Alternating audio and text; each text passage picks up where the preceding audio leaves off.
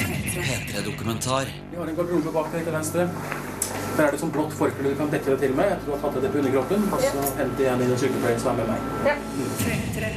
Og det er veldig problematisk for meg å være med på noe som avbryter det spirende menneskelivet eller det, eh, det fosterlivet. På en måte så kjennes det ut som at hele underlivet ditt på en måte vil bare gå av seg sjøl. Hva om jeg fikk nei? En P3-dokumentar om å prøve å forstå debatten om reservasjonsrett. Jeg heter Tuva Fellmann.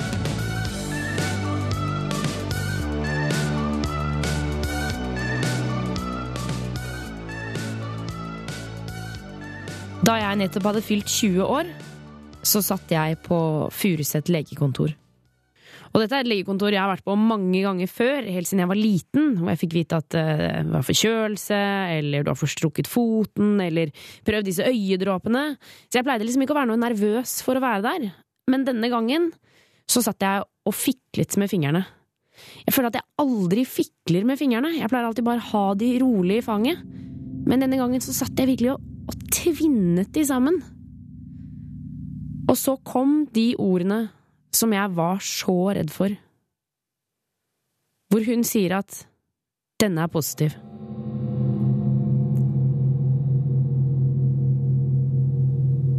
Så da satt jeg der.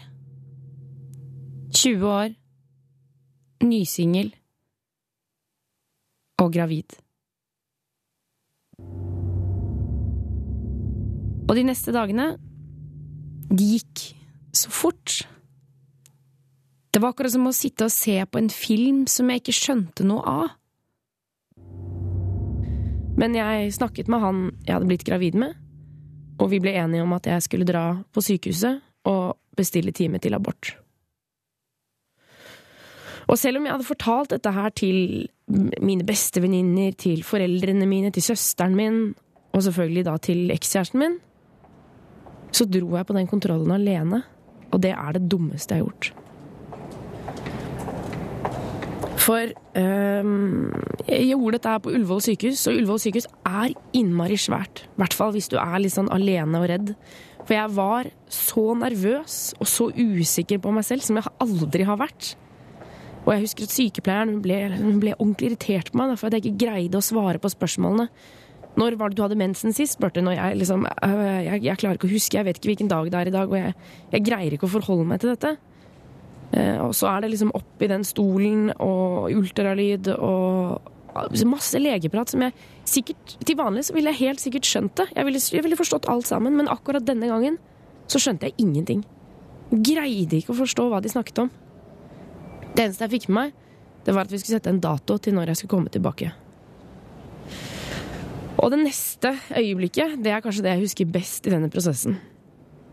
Det var da jeg gikk ut fra det undersøkelsesrommet og ut blant alle bygningene på Ullevål sykehus. Det er nesten som en liten by, med høye blokker og små veier imellom.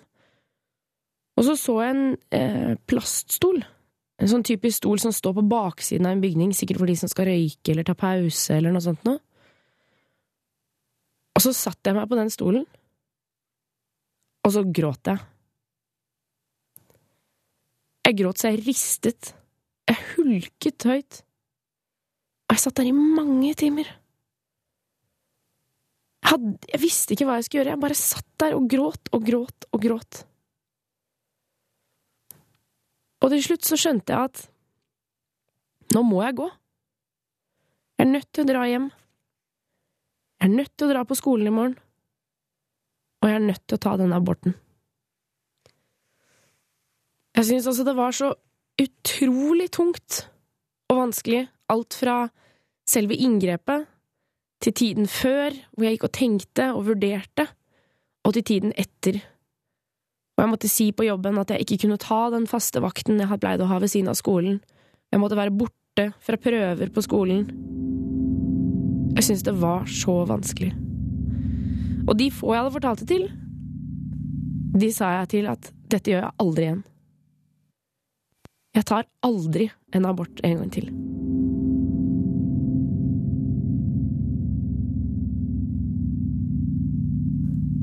Og fire år etterpå så ble jeg gravid igjen.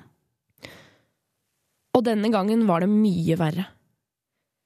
Jeg tror det først var fordi at jeg hadde, hadde bestemt meg for at dette skulle jeg ikke gjøre igjen. Men når jeg sto der i situasjonen, og jeg var blitt gravid med en fyr jeg ikke kjente, en fyr jeg hadde vært på fylla med, så var det ikke noe alternativ.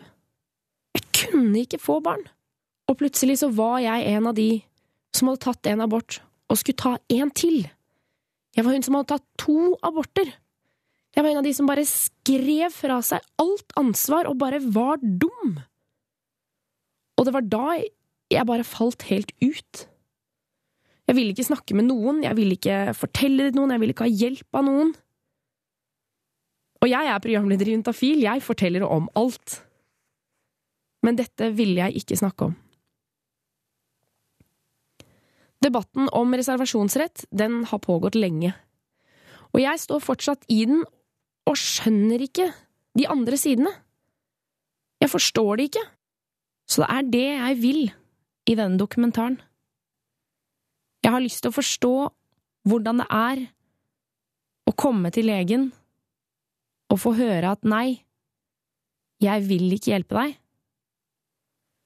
Og jeg har lyst til å forstå hvordan det er å være lege, og synes at det er så grusomt at man ikke engang vil henvise til det jeg har gjort.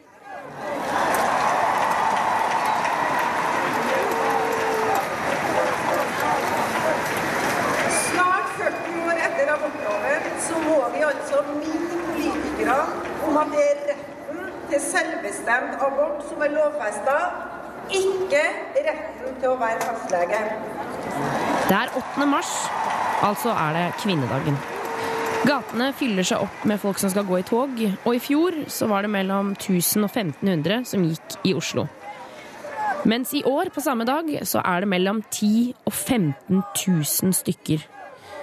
Og jeg gikk litt rundt og snakket med en del folk, og for meg så virket det som at veldig, veldig mange hadde lyst til å gå under den aller største banneren der hvor det sto 'nei til reservasjonsrett'. Vi er her i dag for at alle sammen plutselig hadde kjempelyst til å gå i 18. mars-tog. Fordi at vi er veldig enige om at reservasjonsrett er noe tull. Fastlege er ingen menneskerett. Vel, Det er rett og slett fordi den nye regjeringa er såpass kjip at vi må vise at vi ikke kan stå for dette her. Min hovedsak her er dette med reservasjonsretten til fastleger. Hvis du er en lege, så må du kunne hjelpe pasienten, ikke sant? og ikke bare sette dine personlige prinsipper foran. Da kan du være alt annet enn lege.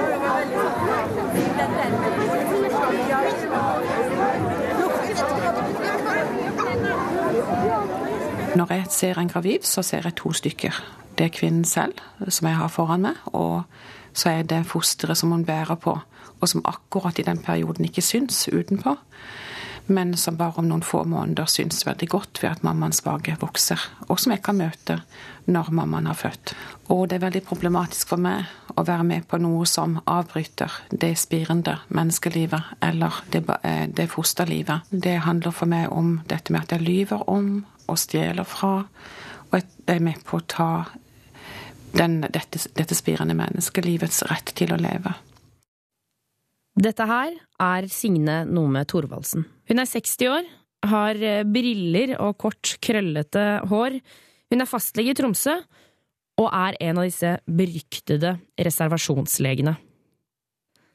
Det vil si at om jeg hadde kommet til Signe da jeg var 20 år, så ville hun nektet å henvise meg videre til sykehuset for å ta abort. Da måtte jeg ringt dit selv og bestilt timen. Mange mener jo at dette her er å skrenke inn kvinners rettigheter, nettopp fordi at man har krav på hjelp når man kommer til fastlegen. Jeg syns det er så forsvinnende liten del av kvinnenes rettigheter, og det er lagt så grundig til rette for at kvinner likevel ved sin myndighet kan ringe en telefon. Så jeg kan ikke skjønne at det er en stor bit å, å være opprørt over. Og jeg tror heller ikke at det er noen som kan si at en lege som har reservert seg, har ført til at en abort ikke har skjedd. Det syns jeg også er viktig å merke seg. Men den gjør det jo litt vanskeligere, da? Ja, vil du si at det er ørlite vanskeligere de har måttet ta en telefon? En telefon gjør man. Man tar en telefon ellers. Mm. Ja, altså, altså, hvis jeg skal være Jeg har jo opplevd Altså, jeg har jo tatt abort selv, og jeg -hmm. vet jo at i den situasjonen jeg var i da, så var det ikke veldig mye som skulle til før at jeg på en måte ikke maktet ting jeg fint greide til vanlig. Mm.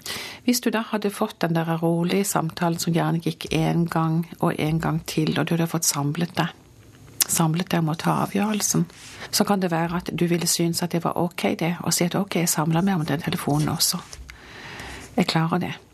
Men det vil jo si at øh, hvis det hadde vært en samtale mellom deg og meg, så ville jo du lagt mer på meg jeg føler at det ofte er sånn at eh, pasienten skal legge over på eh, legen, og så skal legen hjelpe til, men da vil det jo bli at du legger over på meg at jeg må ta telefonen.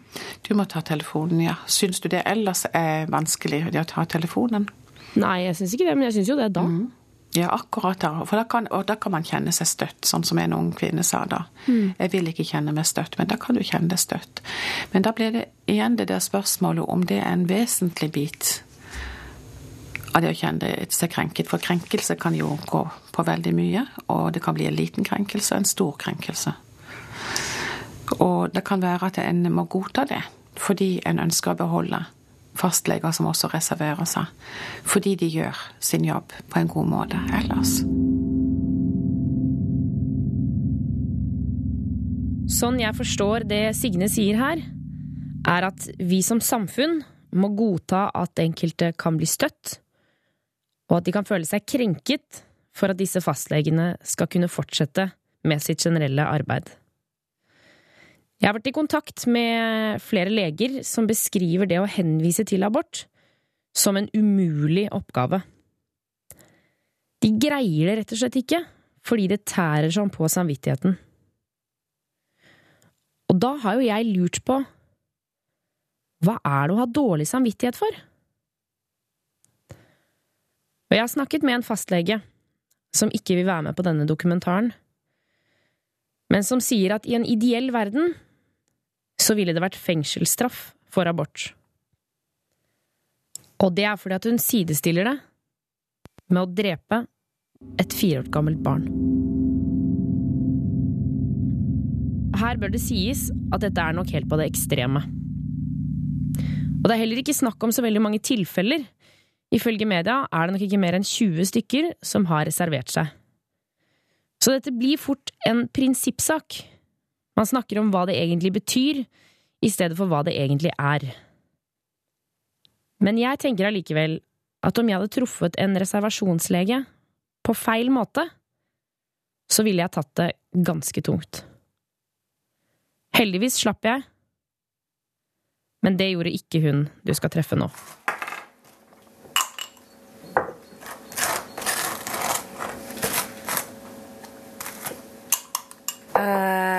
Jeg kjente at det var noe galt, og tenkte på det i noen dager. Og så eh, kjøpte jeg en graviditetstest, tok den.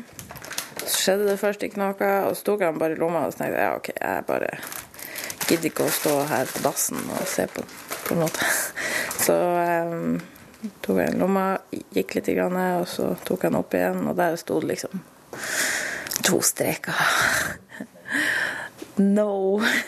det er tidlig på morgenen, og over benken så står Inger Marie og lager frokost mens hun ser på at sola står opp over Lillehammer. Vi står og snakker om det som skjedde for tre måneder siden, da Inger Marie fikk den beskjeden hun på ingen måte var klar for. Da kjente jeg på en måte alt bare knustes lite grann. Uh, det var uh, uh, jeg var ikke interessert i å Eller jeg var ikke interessert, det blir kanskje feil å si. Eh, men ehm, eh, jeg hadde ikke noe lyst til å få unge nå, midt i studiet. For Inger Marie hun er 26 år gammel. Hun bor i et svært rødt hus sammen med hundene sine, eh, og sammen med mannen sin Jeppe. Og da de flytta fra Tromsø ned til Lillehammer for omtrent et år siden, så var lista lang over ting som skulle gjøres. Hun skulle studere, hun skulle reise, hun skulle bygge en karriere. Men det å få barn, det var ikke på den lista. Jeg har jo ikke noe fast jobb. Alt jeg gjør, er jo frivilligbasert. Så da er det jo ikke så veldig sikkert. Og jeg har lyst til å få ferdig skole og få ferdig utdanning og liksom iallfall ha noe sikkert før man hiver seg ut i det, da. Når jeg kom ned hit i fjor sommer, så jeg har prøvd å gå på p-piller, men jeg er så jævlig distré. Det, altså, det bare detter ut. Og så kom jeg ned hit i fjor sommer, bestilte meg fastlegetime og sa at jeg hadde lyst til å få spiral. Uh, og da fikk jeg bare en Post-It-lapp med et telefonnummer, og da sa hun at det liksom ikke at hun ikke gjorde det. Har du noen tanker om hvorfor hun ikke ville hjelpe deg? Jeg tror det Er det fordi hun har liksom reservert seg mot å sette inn spiral? eller? Um, ja, jeg vet ikke helt hva, om det var om hun hadde reservert seg, eller om hun bare ikke ville gjøre det. Jeg vet ikke helt hva men jeg syns jo det er veldig rart at hun ikke ville gjøre det, og jeg syns det er veldig rart at hun ikke henviste meg til noen plass. Og at jeg bare fikk en gul Post-It-lapp uten et navn, men bare et telefonnummer. Hvor, hvor var telefonnummeret til, da? Nei, det var et fastnummer. Jeg har ikke, jeg har ikke ringt det, fordi at jeg Det blir liksom litt for useriøst.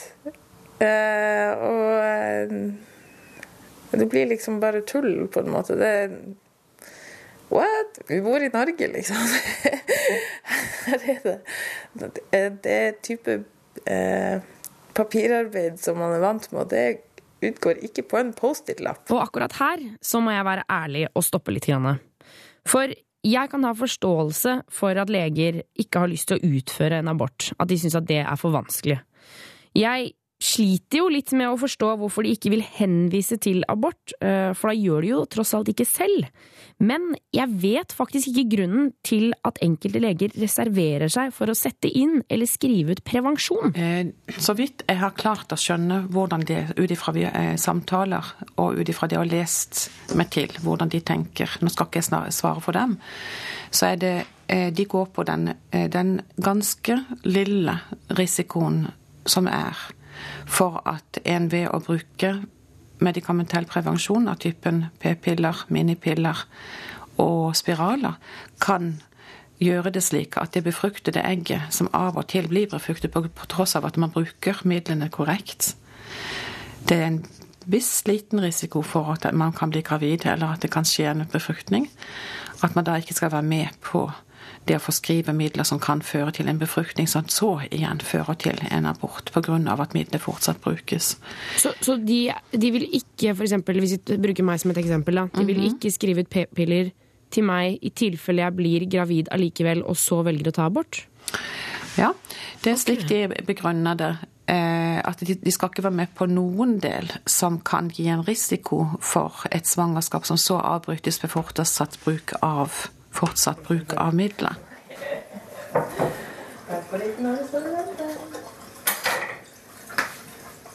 Det var veldig rart, for det er jo på en måte en sånn Du går jo inn til en lege og spør um, om hjelp til noe som er veldig privat og veldig uh, Det er jo ikke noe um, uh, artig, egentlig, å spørre om når ja, jeg vet ikke. Det kan være vanskelig. Eh, så da når du bare får en Post-It-lapp og beskjed om at, de, at, hun ikke gjorde det, så hva skal du svare på det, liksom? Så det som skjer, det er vel at Inger Marie hun mister litt motet. Hun prøver en ny runde med p-piller, men sier at hun rett og slett ikke får det til. Hun tar det i feil tid, hun glemmer de, det sklir ut, og så ender det med at hun går for det å hoppe av i svingen. Og både hun, du og jeg veit jo at det ikke på noen som helst måte er en sikker metode.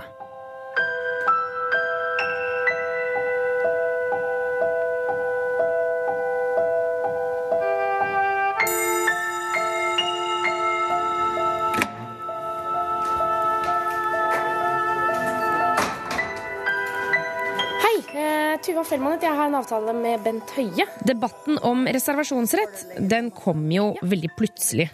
Eh, rett etter valget så var den på alle avisforsidene. Og politikken er en del av denne debatten som jeg har lyst til å forstå. Både fordi at jeg vil skjønne hva som skjer, men jeg vil også vite hva grunnlaget for den eventuelle endringen er. Og så lurer jeg også på hvorfor den plutselig kom. Det er fordi at dette nå er en del av eh, den avtalen som eh, Høyre, Fremskrittspartiet og KrF har skrevet under etter valget ved dannelsen av regjeringen der vi er enige om at det skal innføres en reservasjonsmulighet for eh, leger som, eh, som ikke ønsker å henvise til abort. Med en høyrepinn godt festa på en mest sannsynlig ganske dyr dressjakke, beskriver helseminister Bent Høie den avtalen som er blitt anklaget for å være en såkalt hestehandel. At de har inngått avtalen i bytte mot å få flertallsregjering. Det Høie er spesielt opptatt av, det er å fortelle om forskjellen på de to begrepene reservasjonsrett og reservasjonsmulighet. Når vi bruker ordet reservasjonsrett, så handler det om at da er det den enkelte lege som oppfatter at de har en rett til å reservere seg, og at de sjøl bestemmer på hvilken måte de gjør det, og hva for noen tema de reserverer seg for. Alt fra p-pille til abort til assistert befruktning. Mens en reservasjonsmulighet, da tar vi utgangspunkt i det som er pasienten sitt ståsted. Nemlig at en leger kan få en mulighet til å reservere seg hvis vi har organisert tilbudet i en kommune sånn at det er andre leger som ikke har reservert seg, som pasienten kan gå til. Og at pasienten får god informasjon i forkant, sånn at de ikke oppdager dette på legekontoret. F.eks. at det bare henger en plakat på døra, eller i verste fall at legen sier det idet en begynner å snakke om at en ønsker abort. Men at det er god informasjon i forkant. Ja, for Du har jo tidligere at, eller uttrykt at du er ganske imot, eller var ganske imot reservasjonsretten? Ja, altså Den gamle diskusjonen som handla om denne retten som den enkelte lege skulle ha, det var jeg, eh, og er, veldig imot. fordi at da opplever jeg at da blir det pasienten sitt problem at legen har reservert seg. Men vil det ikke bli pasientens problem nå uansett, hvis det blir pasienten som må passe på å sjekke om fastlegen har reservert seg, pasienten som må bytte fastlege, pasienten som må dra til legen en dag til? Ja, det, det, men jeg mener det er en bedre ordning enn sånn som det har blitt praktisert. For det, nå er det jo sånn at pasienten ikke har hatt disse mulighetene og dermed opplevd og oppdaget dette på legekontoret. Så nå har altså Bent Høie sendt ut en høring. Og om du er sånn som meg, og kanskje ikke helt vet hva det er, så har jeg funnet ut av det. Det betyr at alle som kan ha noe å si i denne saken, eh, får dette forslaget tilsendt. Og så skal de komme med tilbakemeldinger om hva de tror er lurt å gjøre. Her bør det legges til at helseministeren mener ikke at dette er en diskusjon om det skal bli reservasjonsmulighet eller ikke. Det handler om hvordan reservasjonsmuligheten skal bli. Men det kan jo virke som at Høie nå sitter og venter på en del svar som ikke er fullt så positive til det. Det er et enstemmig styre i Allmennlegeforeningen som har gått inn for en konklusjon som sier eh, at henvisning til abort er en eh, del av eh, fastlegearbeidet. Og at vi derfor mener at det ikke bør innføres noen generell reservasjonsmulighet for fastleger. Dette her er Kari Sollien. Hun har jobbet som fastlege, men er nå leder for Allmennlegeforeningen. Det er foreningen for fastleger i Norge, som går inn under den svære legeforeningen. Og foran seg så har Kari et nesten seks sider langt svar til Høie. Styret i Allmennlegeforeningen anerkjenner og respekterer standpunktet av de som ikke vil henvise til abort i tråd med landsrådets vedtak, men mener at Og tro meg, dette er kompliserte greier. Så det vil si hvis vi, hvis vi oversette det. Ja, la oss oversette dette. For Ja.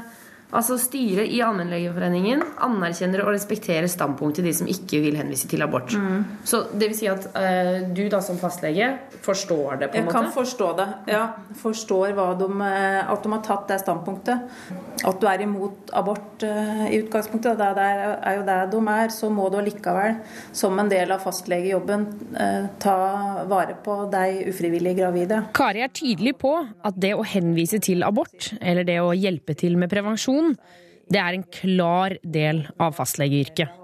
Og selv om man kan dra rett til sykehuset, så burde tilbudet være der. Vi tenker at det er best for den eh, abortsøkende å kunne komme til fastlegen sin med det her òg. Så tenker vi jo at hvis det fester seg et inntrykk av at eh, prevensjon, abort, sånne spørsmål, det vil ikke fastleger ha noen ting med å gjøre, så kan det kan jo det føre til at, eh, at det faktisk blir flere som blir ufrivillig gravide. At, at det er viktig for oss eh, å vise at det er en åpen dør for sånne spørsmål til fastlegen. Og vi vil jo veldig gjerne ha flere unge jenter bl.a. inn på fastlegekontoret. Eh, og vi tenker vel det at eh, det blir så mye snakk om reservasjon. Det kan virke motsatt.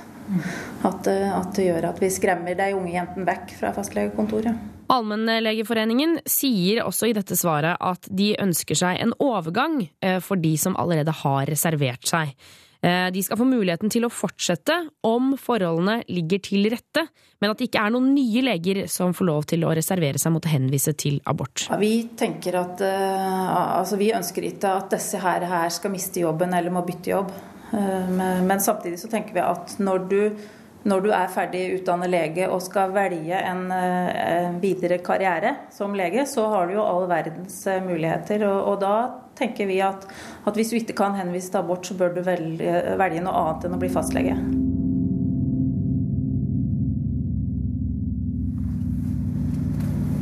Hvordan kjennes det ut nå? Ja. Det er litt Nei, det er jo Nå begynner nerver å komme, på en måte. Vi har en garderobe bak deg til venstre. Der er det sånn blått forkle du kan dekke deg til med. Jeg tror det på underkroppen. Og så henter jeg en sykepleier som er med meg. Ja. Akkurat nå så er vi på Lillehammer sykehus. For da Inger Marie fant ut for noen måneder siden at hun var gravid, så bestemte hun og Jeppe seg for at det måtte bli en abort. Inger Marie visste ikke før den dagen i dag, hvor vi er på etterkontroll, på sykehuset at hun kunne tatt direkte kontakt med de. Så det er klart at frykten for at den nye fastlegen igjen skulle avvise henne, var til stede. Men hun skjønte at dette var noe hun måtte gjennomføre allikevel.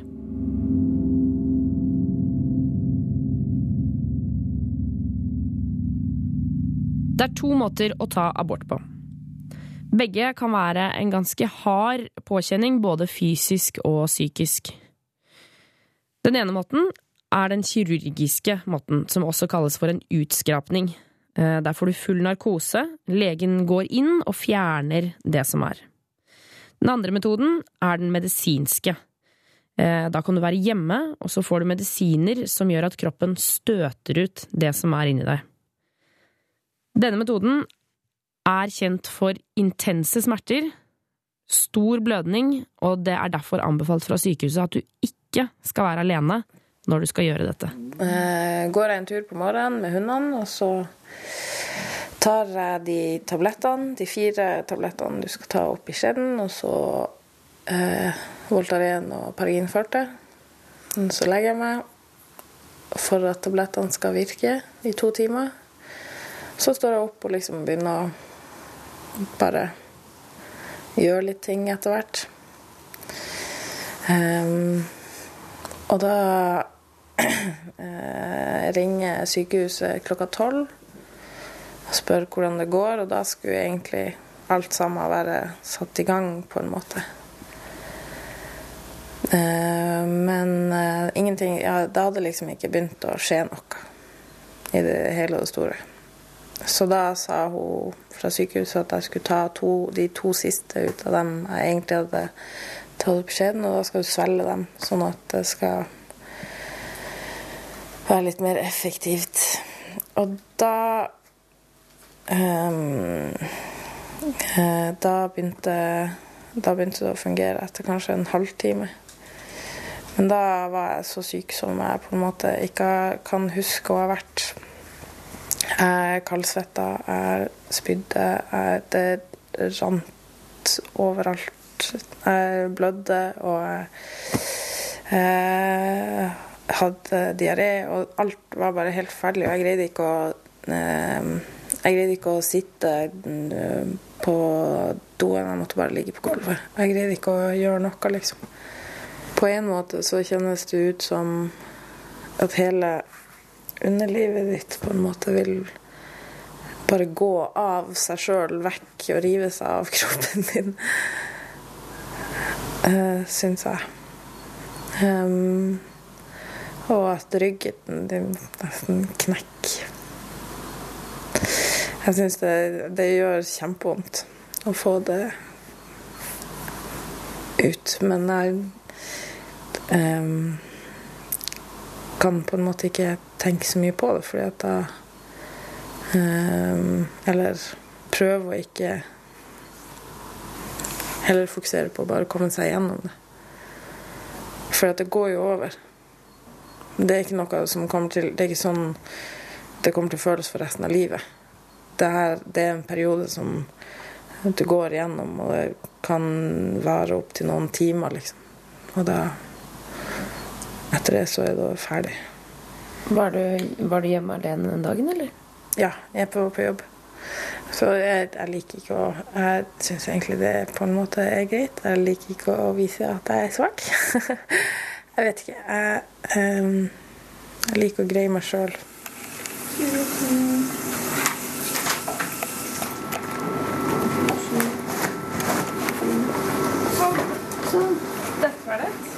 Ja, egentlig. Ja, så bra. Er det noe mer du vil spørre om, må du bare gjøre det. Dette gikk jo relativt fort. Ja, det gjorde det. Det var veldig greit. Og det var veldig greit å bare høre at alt var bra. At, uh, at man også ikke har noe skader noen plass på verken livmor eller eggstokker eller noe sånt. At alt det var greit.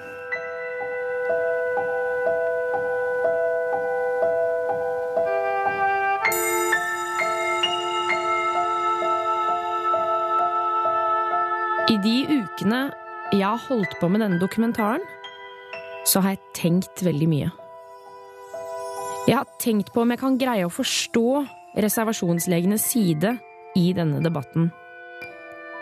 Og det jeg har kommet frem til, helt personlig, det er at jeg kan skjønne at vi har definert begynnelsen av et liv på forskjellige måter.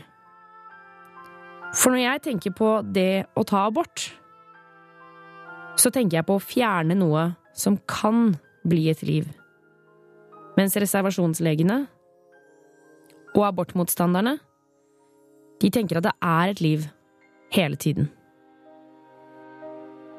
Jeg skjønner at jeg er nødt til å godta at folk mener at det jeg har gjort, er feil, eller at det er grusomt, eller at eh, det er å ikke ta ansvar for sine egne handlinger. Det kan folk godt mene. Jeg har ikke tenkt å ta opp en kamp for å prøve å overbevise andre om at, om at det er feil, selv om jeg tenker det inni meg. Men det jeg mener at jeg ikke trenger å godta, det er når disse menneskene er fastleger.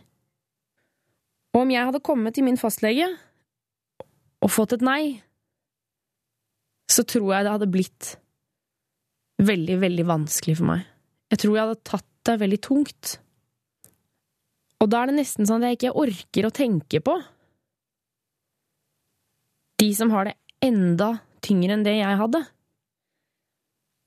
Jeg syns jeg ikke orker å tenke på hun 16 år gamle jenta som ikke vil fortelle foreldrene sine at hun er blitt gravid, og som må være borte fra skolen og ta bussen langt for å komme til fastlegen, for så å få vite at du må komme igjen i morgen.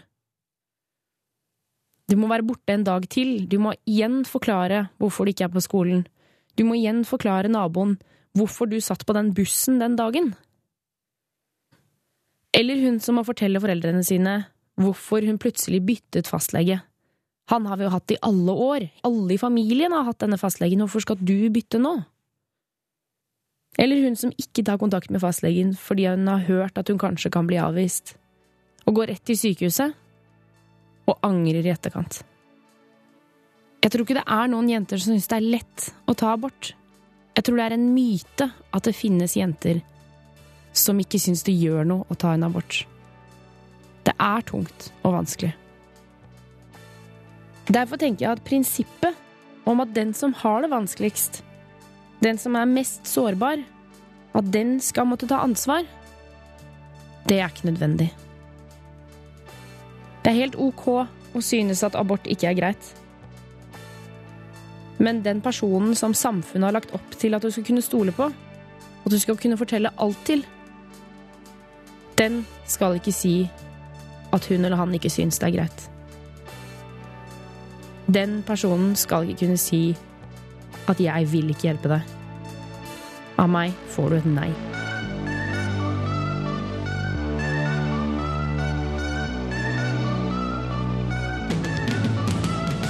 P3-dokumentar søndag klokka ni på P3 og når du vil på p3.no. P3.